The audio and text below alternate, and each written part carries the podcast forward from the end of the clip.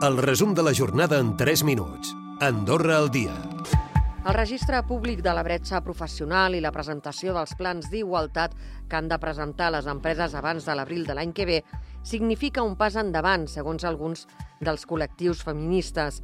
Ens han donat la seva opinió Mònica Codina, presidenta de l'Associació de Dones d'Andorra, Montserrat Ronchera, secretària general de l'Institut Andorrà de les Dones, i Elisabet Royuela, membre d'Acció Feminista.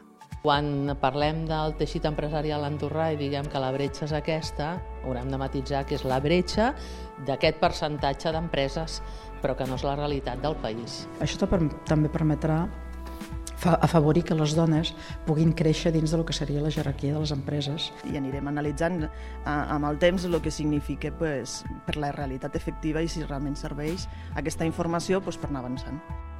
Dia de compres i també de devolucions, avui dia de Sant Esteve, sobretot d'aquells regals que no han complert les expectatives. Hem pogut parlar amb la dependenta d'una botiga. Ja hem començat a fer devolucions, ja portem unes quantes, però és lògic, és un tema de regals. Tenim un mes per fer els canvis, però tranquils perquè hi ha temps per complimentar l'acte de devolució del regal. La major part dels comerços estableixen un període de temps normalment de 15 dies. Això sí, ara no es busca exclusivament el preu, almenys en el sector de la moda, tot i les rebaixes que es poden trobar a partir del 20% sobre el preu original. Hem parlat amb alguns d'aquests compradors.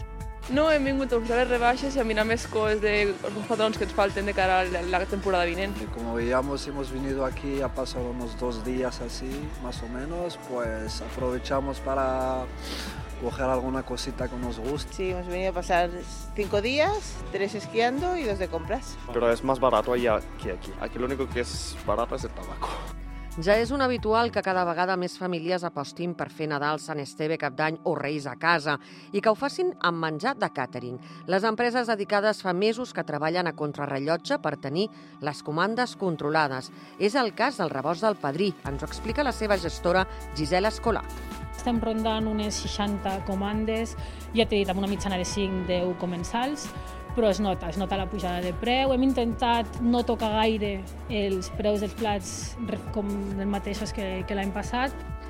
I els canelons són sinònim de Sant Esteve. Hi ha restaurants que porten des de diumenge preparant-los. És una elaboració que necessita més de 180 minuts de dedicació i el seu secret és la qualitat. Hem parlat amb el cap de cuina del celler d'Antoni Òscar Serra. Comandes de takeaway de canelons, eh, per avui és una animalada. Avui tenim més de 420 canelons per emportar. Tal com diu la tradició, aquest plat estrella s'elabora amb les restes del brou de Nadal, però avui en dia es mengen hi hagi sobres o no. Nosaltres tenim tant volumen que no podem fer molta cuina d'aprofitament, com es diu que el caneló és una recepta d'aprofitament, llavors l'hem de fer especialment, no? Recupera el resum de la jornada cada dia a AndorraDifusió.d i a les plataformes de podcast.